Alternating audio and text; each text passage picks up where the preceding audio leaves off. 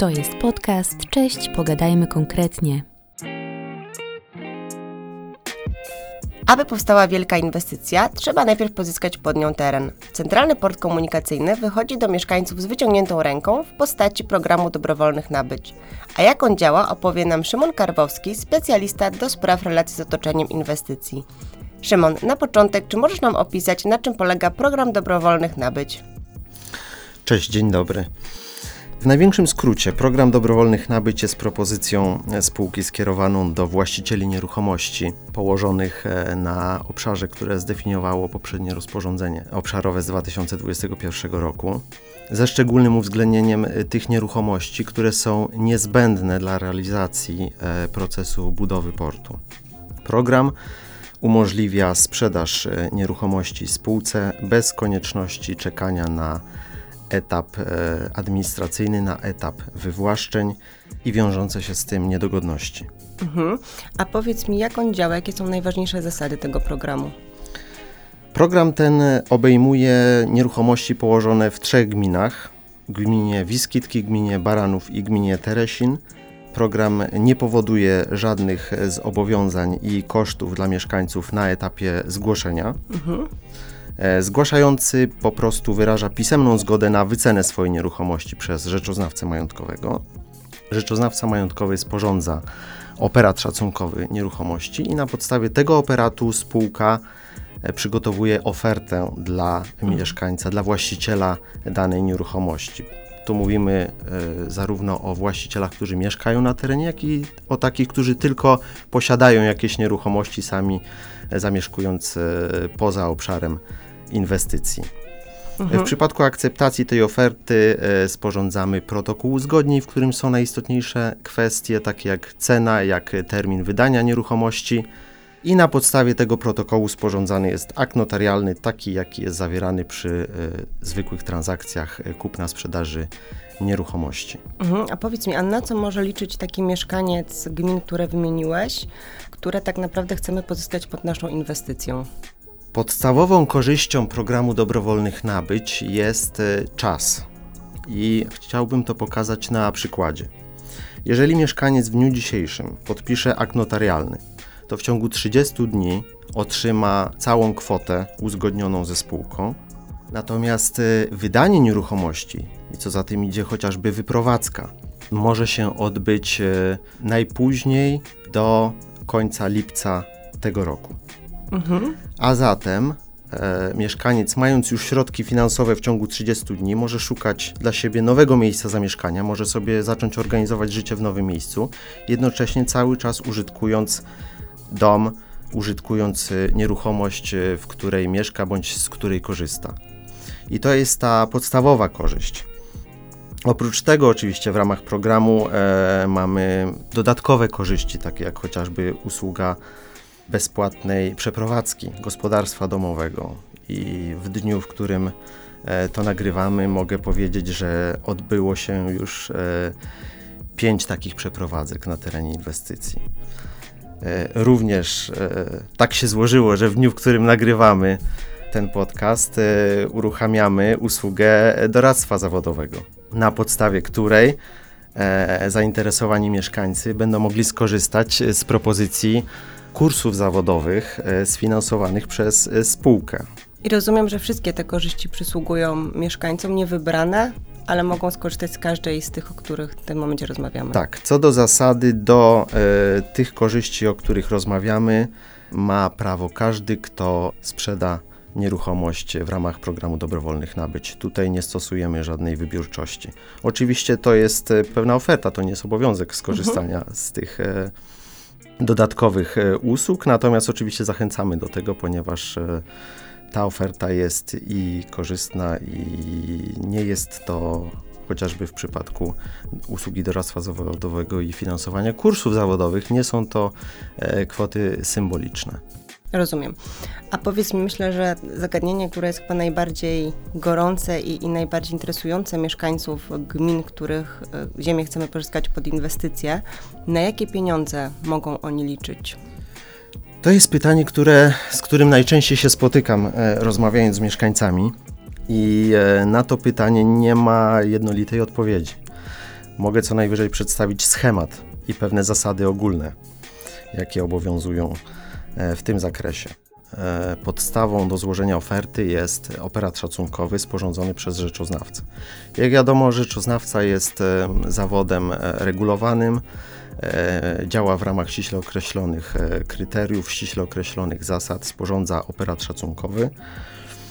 I ten operat y, dla tych mieszkańców, których nieruchomości są położone w obszarze naszego bezpośredniego zainteresowania, jest podstawą do złożenia oferty, na którą składa się wartość rynkowa nieruchomości powiększona o ustawowe dodatki, o dodatki wynikające z ustawy o CPK.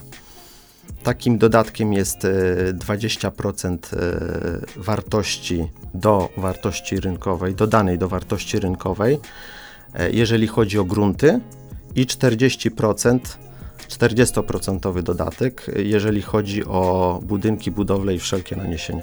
Spółka ma również uprawnienie, z którego może skorzystać, jakim jest e, zaproponowanie oferty po cenie odtworzeniowej budynków. Jest to również uprawnienie spółki i w e, określonych sytuacjach również e, taka oferta może zostać przedstawiona. A zatem nie udzielę konkretnej odpowiedzi, jaka to będzie kwota, ponieważ e, każda nieruchomość jest inna i tutaj te kwoty mogą się różnić. Natomiast zasady są właśnie takie, że nie jest to wartość czysto rynkowa wynikająca z operatu, ale wartość w przypadku nieruchomości, e, które leżą w naszym bezpośrednim zainteresowaniu, które są niezbędne dla budowy portu, są to wartości powiększone o 20, o 20% dodatek do mm, wartości gruntu i 40% dodatek do wartości naniesień. Mhm. A powiedz mi, czy mamy już jakieś zestawienie liczby tak naprawdę, którymi możemy się pochwalić, ile w tym momencie osób tak naprawdę sprzedało nam swoją ziemię pod inwestycję?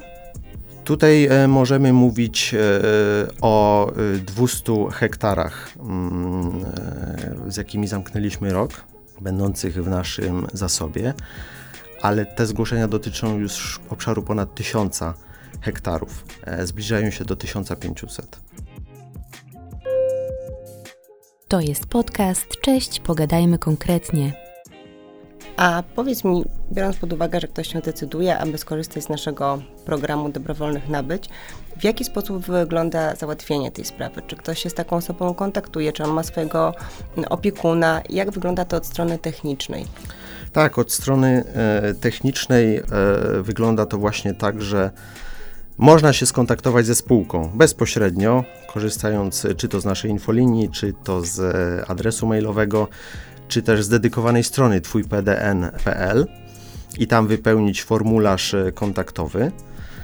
E, ale też e, ja jestem akurat przedstawicielem zespołu opiekunów obszaru, który od marca już zeszłego roku pracuje na terenie tak zwanej delimitacji, czyli tym terenie, które jest objęte naszym bezpośrednim zainteresowaniem.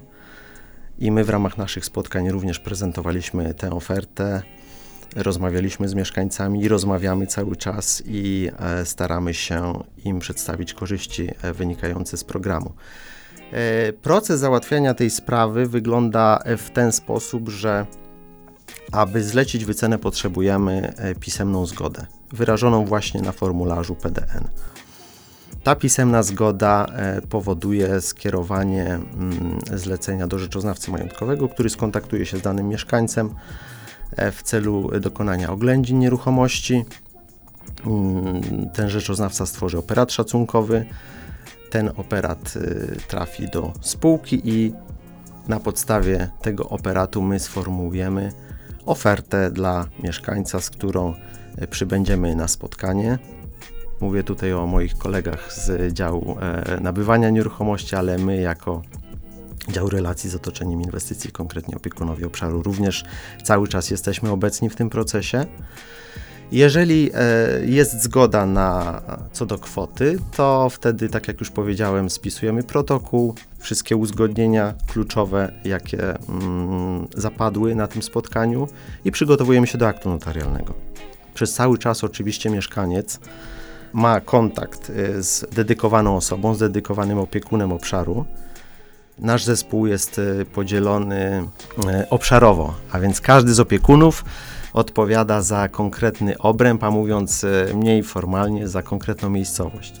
Stąd też każdy mieszkaniec, który się zgłasza, e, może mieć pewność, że może się kontaktować z tą daną osobą w spółce i że ta osoba albo odpowie na wszelkie pytania, a jeżeli nie ma od razu odpowiedzi, to w imieniu tego mieszkańca te odpowiedzi uzyska.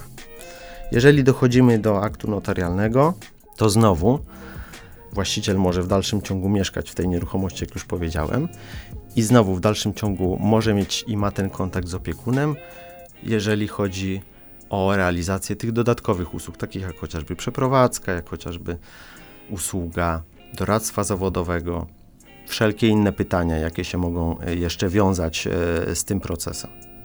Dobrze, a powiedz mi, co w przypadku, jeżeli ktoś nie chce skorzystać z naszego programu? Co tak naprawdę go czeka?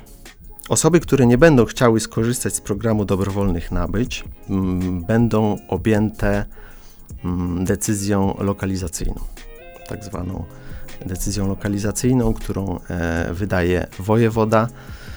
E, jest to już postępowanie administracyjne, które odbywa się poza spółką. Przebiega ono w ten sposób, że od momentu otrzymania decyzji dany właściciel będzie miał 120 dni na wydanie nieruchomości i w ramach tych 120 dni może zostać, y, powinna zostać ustalona kwota odszkodowania. A zatem tego czasu na realne zorganizowanie sobie życia w nowym miejscu jest bardzo mało. Ten proces jest bardzo sztywny, jest to proces administracyjny. Nie ma tutaj mowy o dodatkach, o dodatkowych e, korzyściach, czy przede wszystkim właśnie o czasie. Ten czas jest e, tutaj nieubłagany. I biorąc pod uwagę, że mm, w ramach tego procesu również ta kwota odszkodowania musi zostać ustalona poprzez e, wycenę danej nieruchomości, to w praktyce może się okazać, że ten proces jest jeszcze krótszy. Dlatego wszystkich niezdecydowanych gorąco chciałbym zachęcić do wzięcia udziału w programie dobrowolnych nabyć.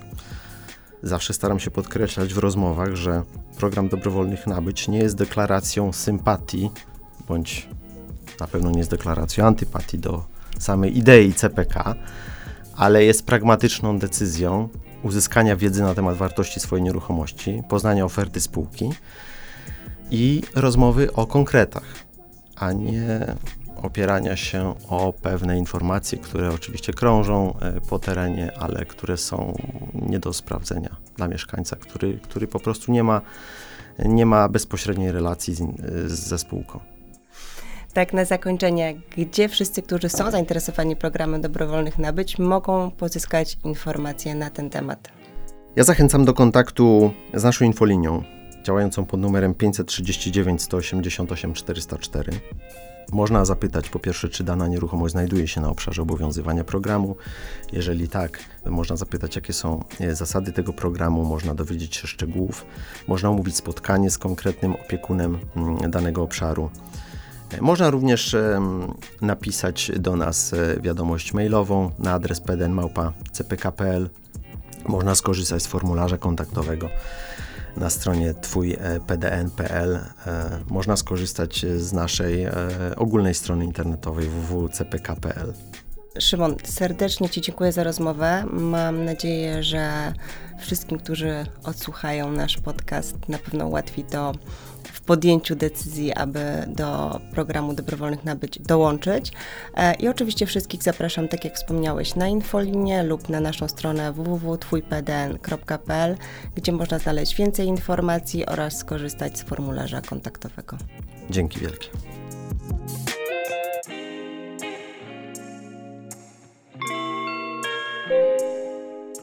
To był podcast Cześć, pogadajmy konkretnie